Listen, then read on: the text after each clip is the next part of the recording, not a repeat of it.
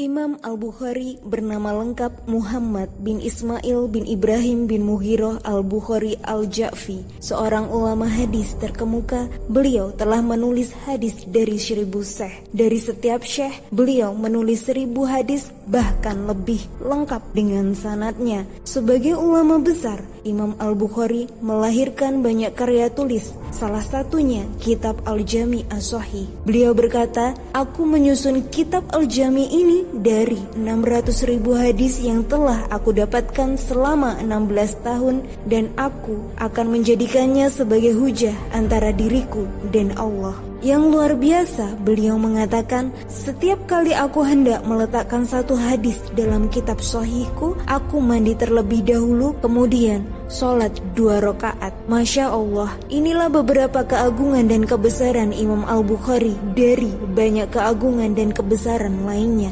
Sungguh luar biasa keseriusan beliau untuk Islam. Lantas, bagaimana dengan kita?